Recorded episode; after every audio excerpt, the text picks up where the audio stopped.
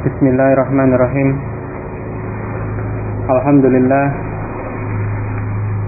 نحمده ونستعينه ونستغفره ونعوذ بالله من شرور أنفسنا وسيئات أعمالنا من يهده الله فلا مضل له ومن يؤلل فلا هادي له أشهد أن لا إله إلا الله وحده لا شريك له وأشهد أن محمدا عبده ورسوله صلى الله عليه وعلى آله وصحبه وسلم تسليما كثيرا أما بعد فإن شاء الله mulai malam ini ya, bi'aunillah ya, kita akan memulai pembahasan kitab yang baru ya, sebagai kelanjutan dari kitab yang sebelumnya syarah Al-Ajurumiyah yang disyarah oleh Syekh Muhammad Ibni Saleh Al-Utsaimin rahimahullahu taala. Kita akan bahas yakni kitab Mutammimah Al-Ajurumiyah ya, Mutammimatul Ajurumiyah secara bahasa secara kata ya, makna dari mutammimah adalah pelengkap atau penyempurna. Jadi memang penyusun dari kitab ini Mutammimah Al-Ajrumiyah ya, bermaksud untuk melengkapi ya, menyempurnakan dari matan Muqaddimah Al-Ajrumiyah yang disusun oleh Ibnu Ajurum rahimahullahu taala ya. Memang yang kitab sebelumnya yaitu Al-Ajurumiyah atau Muqaddimah Al-Ajurumiyah ini sudah mencakup mengandung kaidah-kaidah nahwu yang sudah uh, bagus, yang sudah lengkap. Hanya saja mungkin ada beberapa hal yang perlu ditambahkan, yang perlu disampaikan dalam hal ini oleh penyusun kitab ini, Mutammimah sehingga beliau menambahkan ya, melengkapi lebih melengkapi dari Muqaddimah Al-Ajrumiyah dan beliau namakan kitab ini dengan Mutammimah Al-Ajrumiyah. E, sebelum kita memasuki pembahasan mungkin ya untuk lebih mengenal tentang kitab ini ataupun penyusunnya secara ringkas ya untuk yang Muqaddimah Al-Ajrumiyah itu disusun oleh Abu Abdullah yakni Muhammad ibnu Muhammad ibnu Dawud As-Sanhaji. As-Sanhaji yang lebih dikenal dengan Ibnu Ajurum. Ya. sehingga kitab beliau tentang Nahwu itu disandarkan pada kunyah beliau Ibnu Ajurum ya, disebut dengan Muqaddimah Al-Ajurumiyah. Ini. Jadi nama asli beliau Muhammad ibnu Muhammad ibnu Dawud Asun Haji. Kemudian beliau meninggal wafat pada tahun 723 Hijriah. 723 Hijriah pada bulan Safar. Ya di Maroko ya. Ini. Beliau menyusun banyak kitab ya dari dari berbagai macam pembahasan berbagai macam ilmu ilmu ilmu din ya. Ya, di antara ilmu bahasa dan yang paling menonjol yang paling dikenal adalah kitab beliau Muqaddimah Al-Ajrumiyah itu. Ini. Secara ringkas demikian ya, yang penting seperti itu. Kemudian sesudah itu uh, pada beberapa abad sesudahnya seseorang atau yang menyusun kitab ini Mutammimah al-Jurmiyah menyempurnakan atau melengkapi dari faedah-faedah yang ada dari Muqaddimah al-Ajrumiyah dengan menyusun kitab ini Mutammimah al-Ajrumiyah yang disusun atau penyusun dari kitab ini yang disebutkan dalam kitab yakni Syekh Muhammad bin Muhammad Ar-Ru'aini. Muhammad ibnu Muhammad ibnu Abdurrahman ibnu Husain. Kalau lebih lengkapnya. Muhammad ibnu Muhammad ibnu Abdurrahman ibnu Husain. Al-Makki karena beliau lahir di Makkah. Al-Maliki bermadhab Maliki ya, pengikut Imam Malik kemudian lebih dikenal dengan Al-Hattab Ar-Ru'aini. Ya. jadi Ar-Ru'aini dibaca dengan roknya dengan dhammah berarti membacanya Ar-Ru'aini. Ya. Ru'ain ya, bentuk tasghir. Ar-Ru'aini. Ada sebagian yang membaca dengan fathah Ar-Ru'aini. Ya, tapi yang ditunjukkan dalam tulisan itu roknya di dhammah ya, menunjukkan dibaca Ar-Ru'aini bukan Ar-Ra'aini ini. Dan dikenal dengan Al-Hattab ya, lakab atau julukan beliau ya, Al-Hattab Ar-Ru'aini. Jadi dalam apa penyebutan yang lebih dikenal ini Al-Hattab Ar-Ru'aini.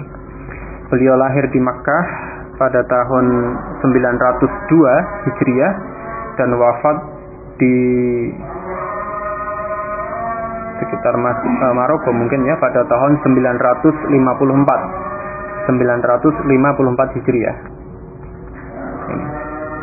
Dan banyak kitab beliau dan yang paling dikenal ini Mutammimah Al-Ajrumiyah. Ya ini dulu sepintas tentang kitab ini. Ya. nanti yang berikutnya kita lanjutkan pada salat wallahu a'lam. Subhanakallahumma bika asyhadu an la ilaha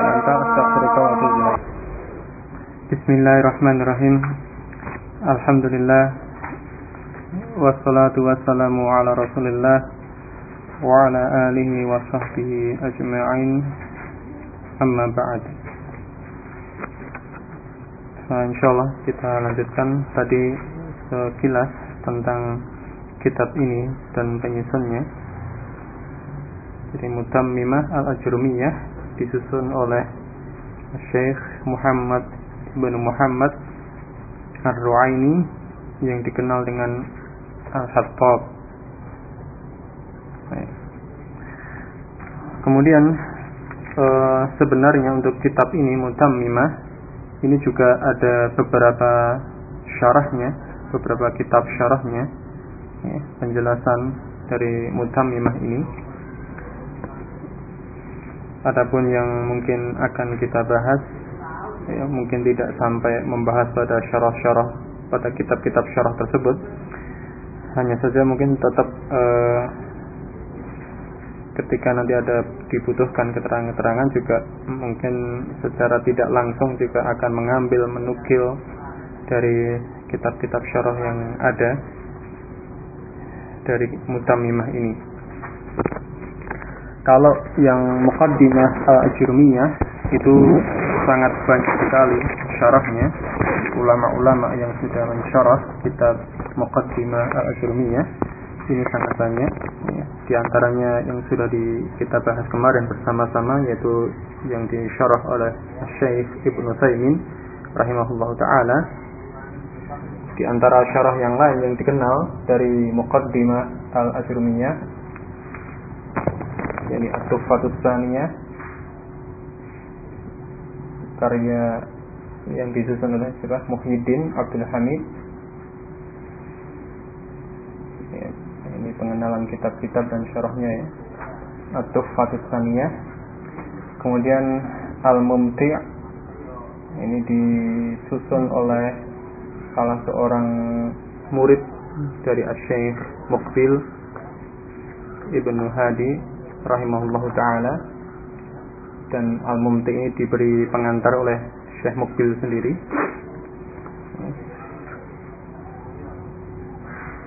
Dan masih banyak yang lain ya, masih banyak yang lain untuk syarah Al-Jurmiyah banyak sekali.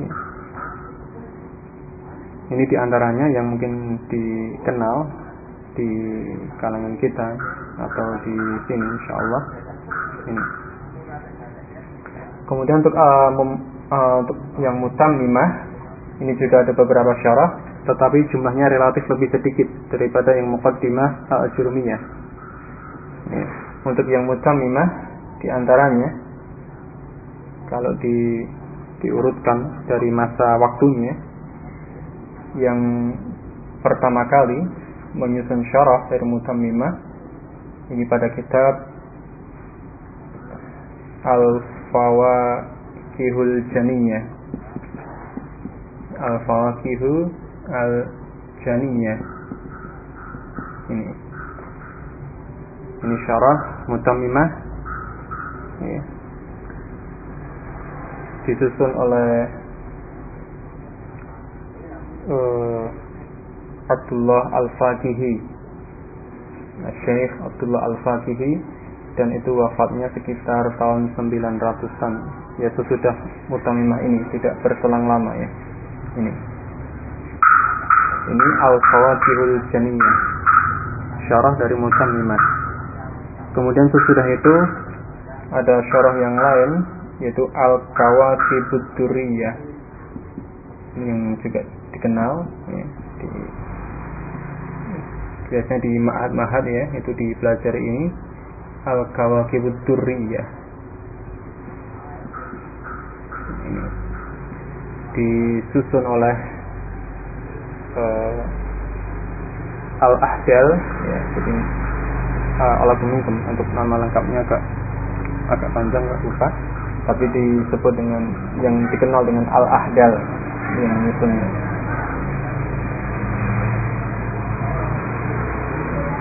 ini nama terkenalnya ya.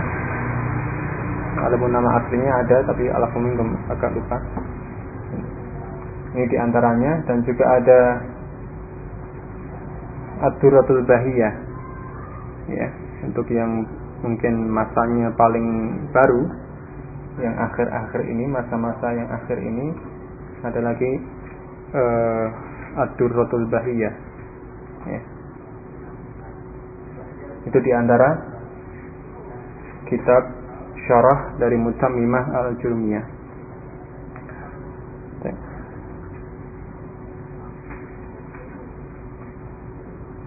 ini uh, kemudian apa lagi kita itu ya untuk sekedar pengenalan tentang kitab ini. Mungkin ada yang ditanyakan tentang ini sebelum kita lanjutkan pada pembahasan.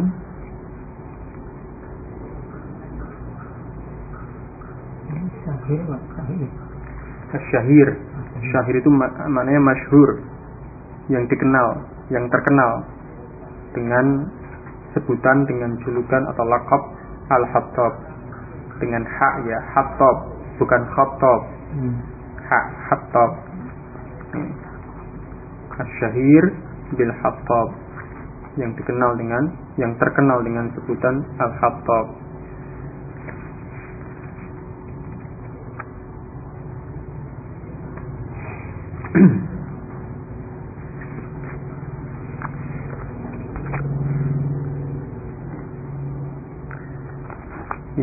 terlepas dari itu ya kalau diperhatikan judul-judul kitab di antaranya atau sebagiannya dalam bahasa Arab itu menggunakan bentuk tasbih bentuk penyerupaan. Ya, itu yang disebut dengan tasbih dan ini termasuk nanti pada bagian atau pembahasan ilmu balaghah tasbih ya. seperti tadi kalau atau fatus ya apa persembahan atau bingkisan yang berharga arti secara bahasa ya. Al fawakihul janiyah artinya apa? Buah-buahan yang dipetik yang dipanen. Al kawakibud duriyah bintang-bintang yang berkilauan. Itu judul kitab artinya secara bahasa seperti itu. Ya menunjukkan sisi balaghah ya, dalam bahasa Arab. Ya. Dan kitab-kitab yang lain juga demikian. Ya. Tidak hanya kitab-kitab tentang bahasa, tapi juga mungkin tentang ilmu din, tentang tafsir ataupun hadis ataupun yang lainnya juga sebagian menggunakan judul yang seperti ini, menggunakan bentuk balaghah. yang bentuk tasbih ya. ada kitab Al-Lu'lu wal Marjan nah, isinya hadis-hadis sahih ya. ada kitab yang lain lagi yang semacam itu ya. ini salah satu keindahan bahasa Arab seperti itu ini untuk sementara ya mencukupi untuk sekedar pengenalan dari kitab ini kemudian kita langsung saja memasuki pembahasan dari matan lima al-ajurumiyah matnu. Jadi matan itu matnu bukan matan. Taknya sukun ya. Yang benar sesuai bahasa Arabnya tak itu sukun. Matnun. Ya. matnu. Mutammima mutammimatil ajurumiyati. Atau mutammimatul ajurumiyati. Bismillahirrahmanirrahim. Alhamdulillahi Rabbil Alamin. Alhamdulillah. Segala puji. Segala puji dan puji Milik Allah Ta'ala. Ya, Rabbil Alamin. Rabb ya, semesta alam. Wassalatu wassalamu ala sayyidina Muhammadin Dan salawat beserta salam pada sayyid kita yakni Muhammad sallallahu alaihi wasallam wa ala alihi dan pada keluarga beliau wa sahbihi dan sahabat-sahabat beliau ajma'in semuanya. Wa ba'du dan sesudah itu. Di sini ba'du. Ya, dibaca mabni dengan dhammah Kenapa? Karena idofahnya dihilangkan atau mudof ilaihnya dihilangkan. Jadi takdirnya ba'da tahmid misalnya. Jadi ba'da mengucapkan alhamdulillah.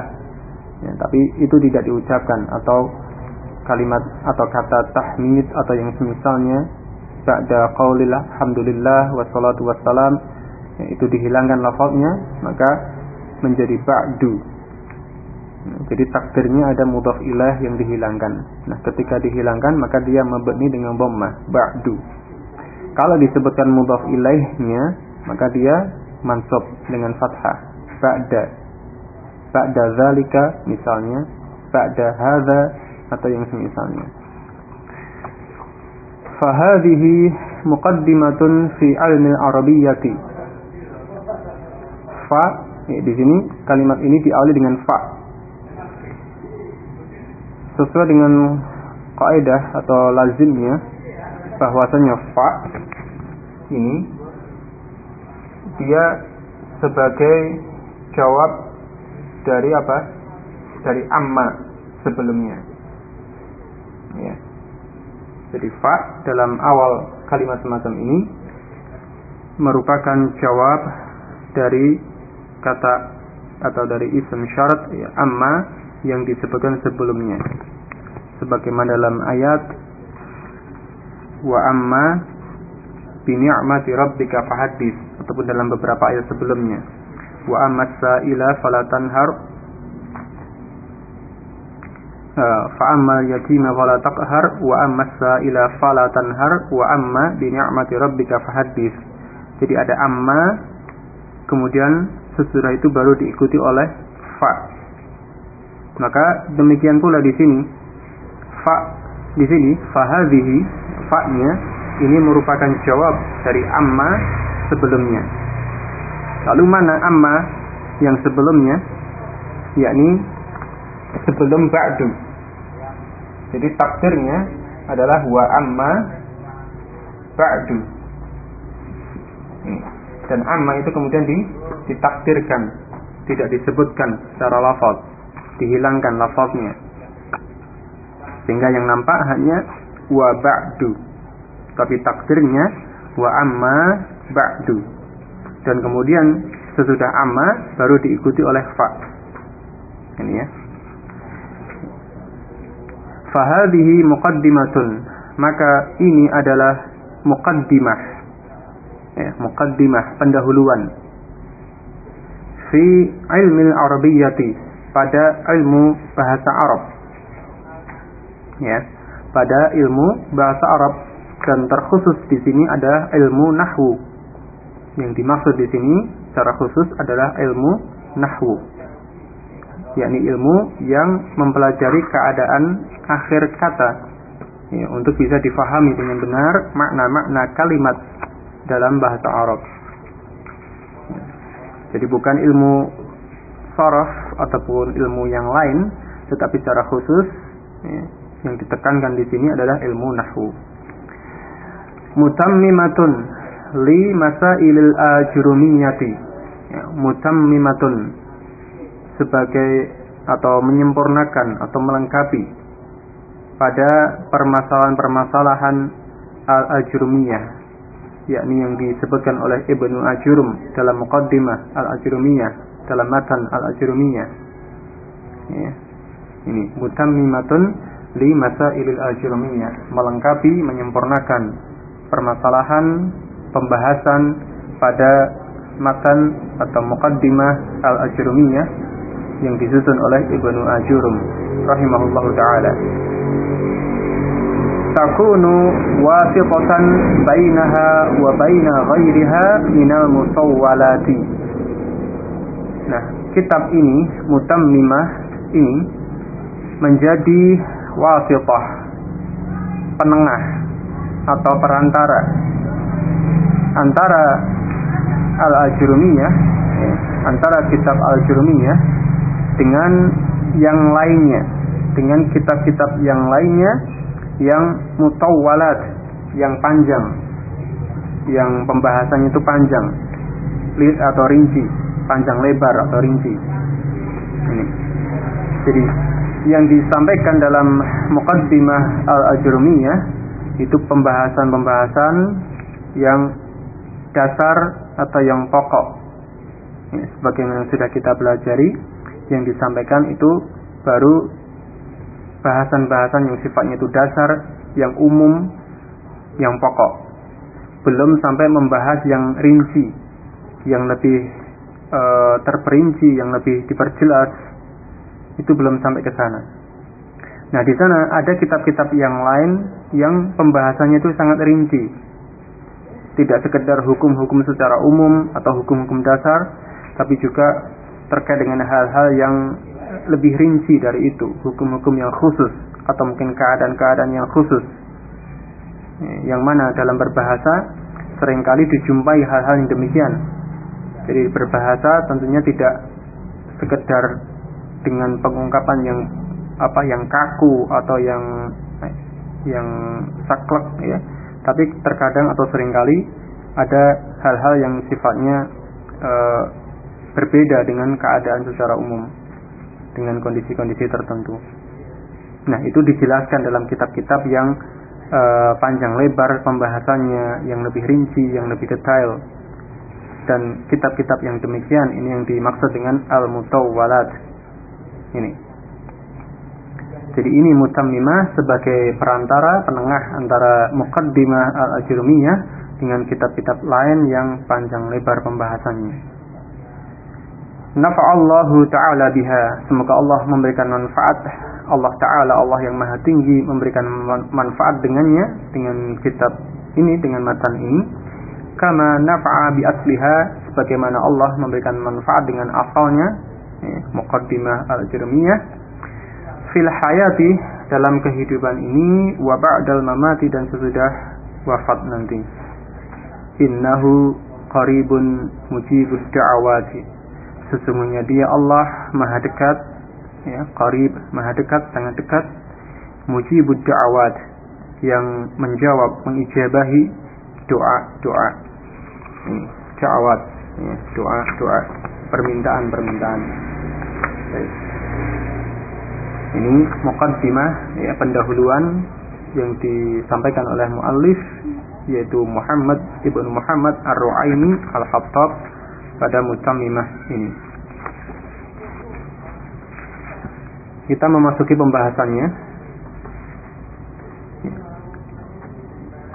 Uh, sebelumnya ya, sebelum kita masuk pada pembahasan, perlu diketahui dulu bahwasanya kitab ini mutammimah sebagaimana kitab-kitab yang lain secara umum itu dicetak oleh beberapa penerbit ya, bisa jadi ya itu bisa dicetak oleh beberapa penerbit beberapa pihak sehingga mungkin ada perbedaan dari sisi teknis dari sisi tata letak ataupun ada semacam penambahan yang sifatnya tidak apa tidak terkait dengan matanya tidak terkait dengan isinya tapi hanya secara teknisnya hanya secara uh, letak-letaknya saja. Seperti yang digunakan di sini uh, ada nanti pada pembahasan-pembahasan itu diberikan sub-sub judul.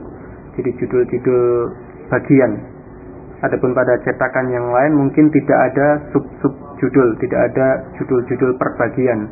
Yang ada hanya judul secara umum, ya, judul yang sifatnya umum atau global. Tapi di kitab yang lain sebagaimana yang digunakan di sini, ini nanti ada judul pada perbagian-perbagian. Ya, jadi mungkin bisa dimaklumi ya nanti ketika disebutkan judul-judul yang perbagian, ya, itu mungkin ada di sebagian kitab, tetapi tidak ada di sebagian yang lain ataupun hal-hal lain yang sifatnya teknis atau terkait dengan cetakan ya sebisanya nanti dimaklumi hal-hal yang demikian. Yang jelas tidak mengubah, tidak berbeda isinya antara satu cetakan dengan cetakan yang lain, insya Allah. Ya. Dan yang demikian itu sesuatu yang yang wajar, yang lumrah dalam cetak mencetak kitab. Ya, nanti kalau diperhatikan dalam kitab-kitab itu terkadang disebutkan cetakan ini, cetakan ini tahun sekian dicetak dengan lafaz ini. Ya, terkadang justru yang berbeda dari lafaznya. Nanti cetakan yang lain tahun yang sekian pula tahun yang lain pencetak yang lain nanti lafaznya juga bisa berbeda. Itu bahkan pada lafaz-lafaznya. Ya, jadi hal-hal yang demikian ya untuk bisa dimaklumi. Ya. Dan ini tidak berlaku pada ini saja, tapi pada secara umum dalam pembahasan kitab. Eh, hal-hal yang demikian itu untuk bisa dimaklumi. Selagi memang perbedaan itu tidak terlalu jauh, tidak terlalu menyimpang, ya mungkin hanya berbeda satu dua kata atau satu dua lafaz atau perbedaan tadi tata letak ataupun teknis ya, itu insya Allah masih bisa di uh, dimaklumi ya diterima. Ya. Oke. Kembali ke pembahasan ini kitab ini membahas tentang ilmu nahwu ya, tentang i'rab sehingga dimulai di sini pembahasan tentang hal-hal yang terkait dengan i'rab atau terkait dengan penyusunan kalimat dalam bahasa Arab yakni tentang al-kalam. Disebutkan judulnya al-kalamu wa ma yata'allafu minhu. Al-kalam dan sesuatu yang menyusun kalam. Al-kalam dan kata-kata yang menyusun kalam tersebut. Al-kalamu ini definisi ta'rif pengertiannya.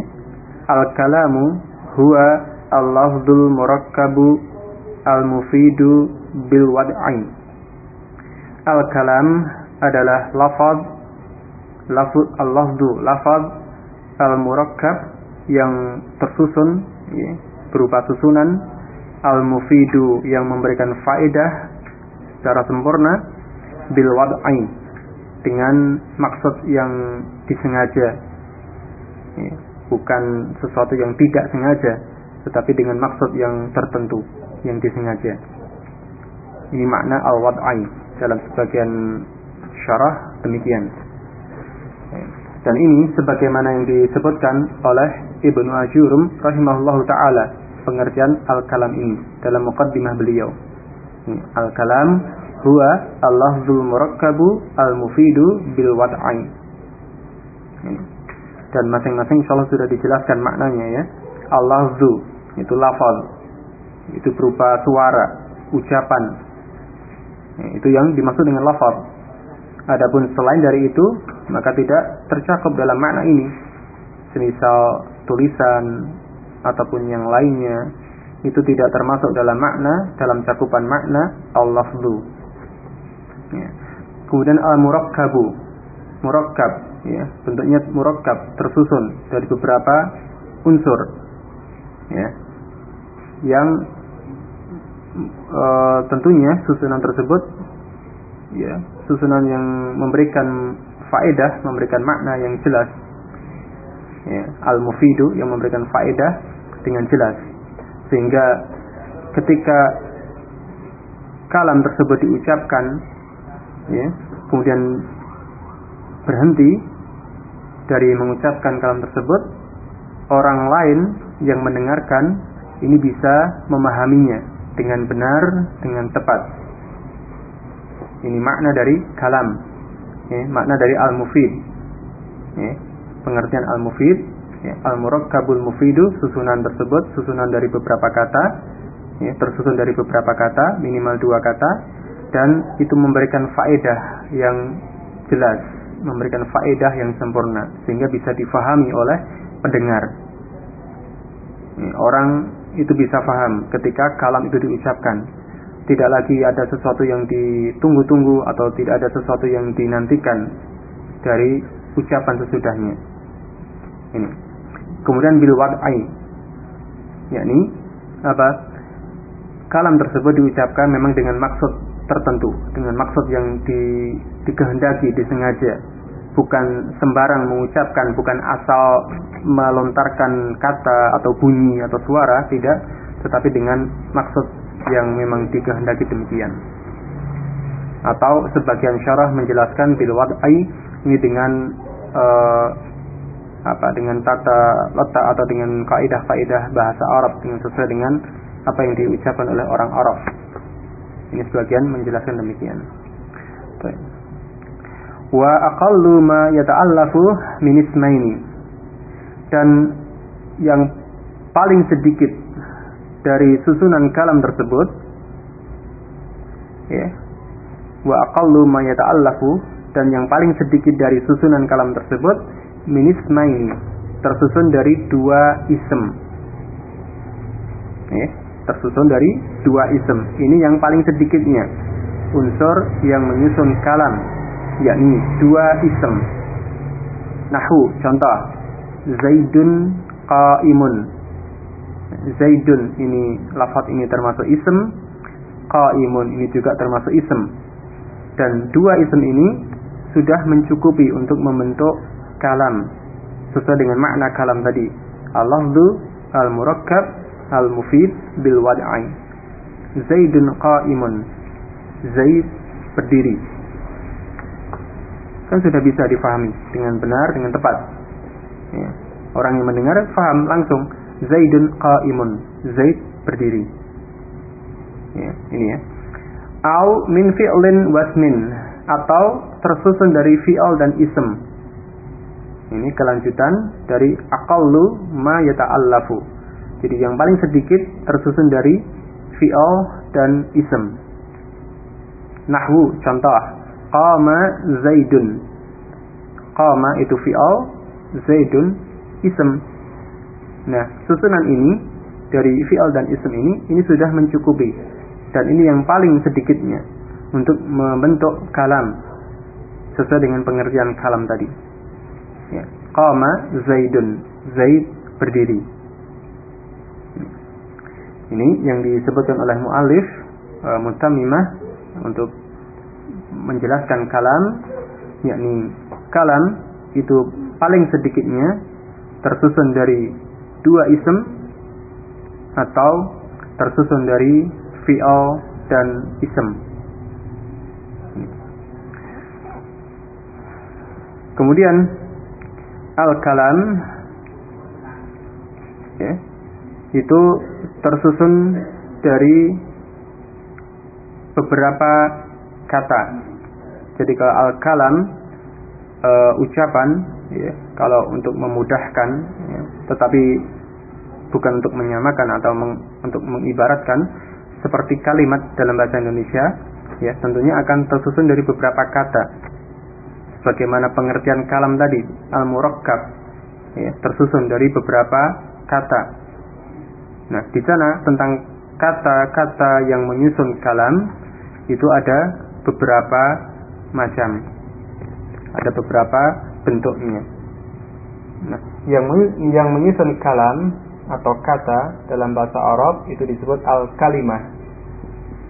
Ya, al-kalimatu. Kalimah. Ya.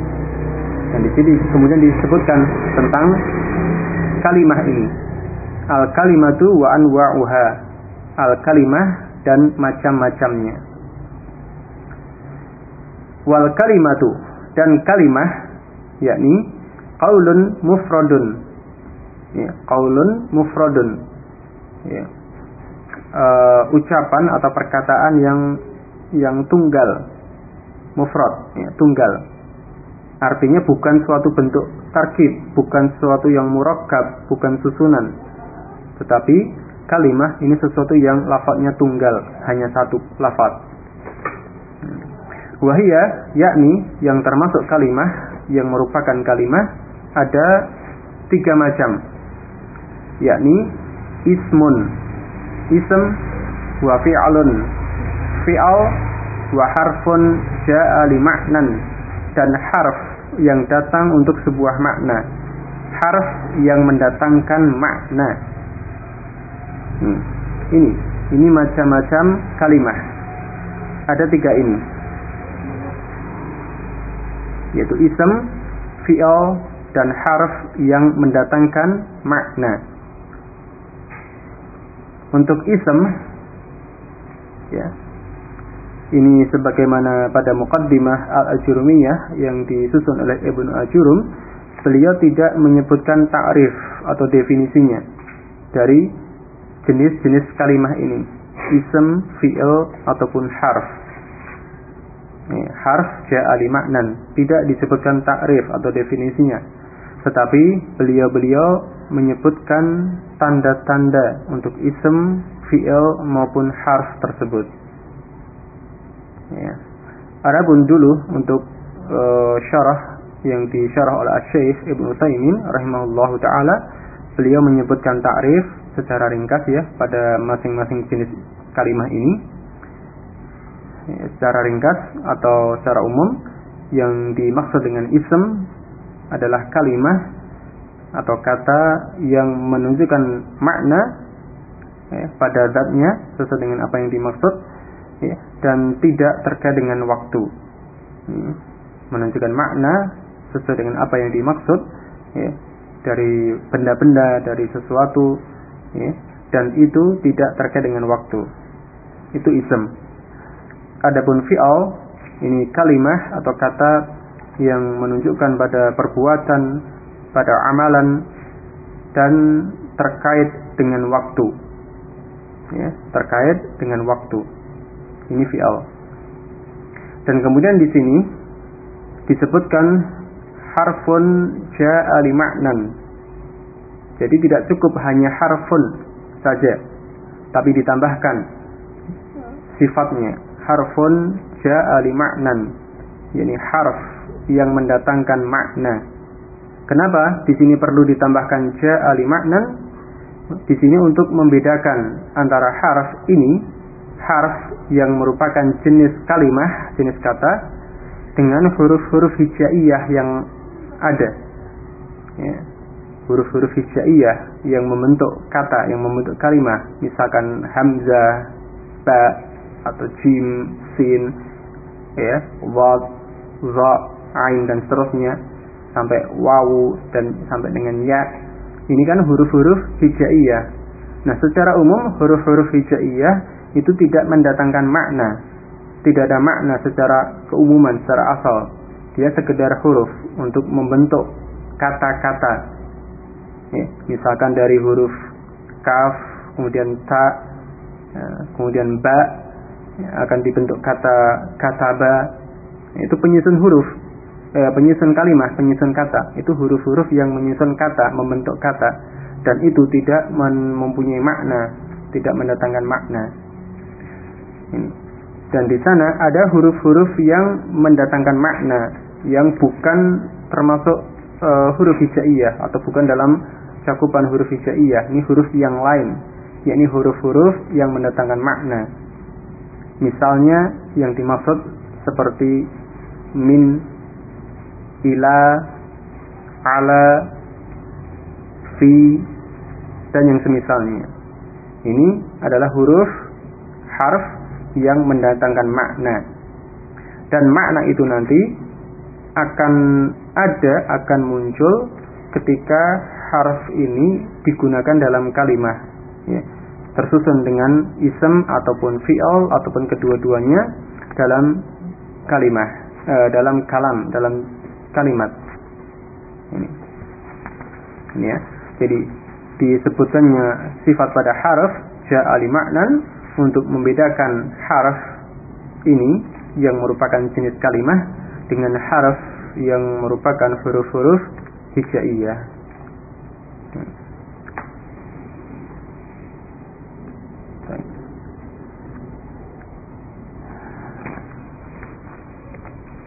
Dari ini dulu ada yang ditanyakan?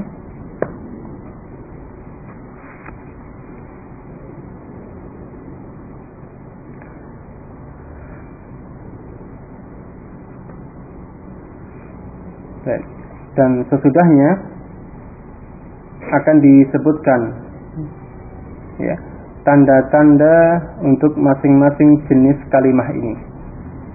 Tanda-tanda untuk isem. Maksudnya apa? Untuk mengenali suatu kalimah, suatu kata, apakah itu termasuk isem ataukah bukan? Ataukah itu mungkin masuknya fi'al atau mungkin malah harf. Nah, di situ bisa diketahui dengan adanya tanda-tanda tertentu untuk menunjukkan kalimat tersebut termasuk isem ataukah menunjukkan kalimat tersebut termasuk fi'al ataukah termasuk yang harf ja'ali maknan tadi. Jadi masing-masing itu mempunyai tanda atau mempunyai alamat. Ini. dan disebutkan di sini alamatul ismi kemudian alamatul fi'li dan alamatul harfi. Adapun pembahasan lebih lanjut insyaallah kita lanjutkan pada waktu yang akan datang ya karena waktu. Alafu minkum. Sebelum diakhiri ada yang ditanyakan?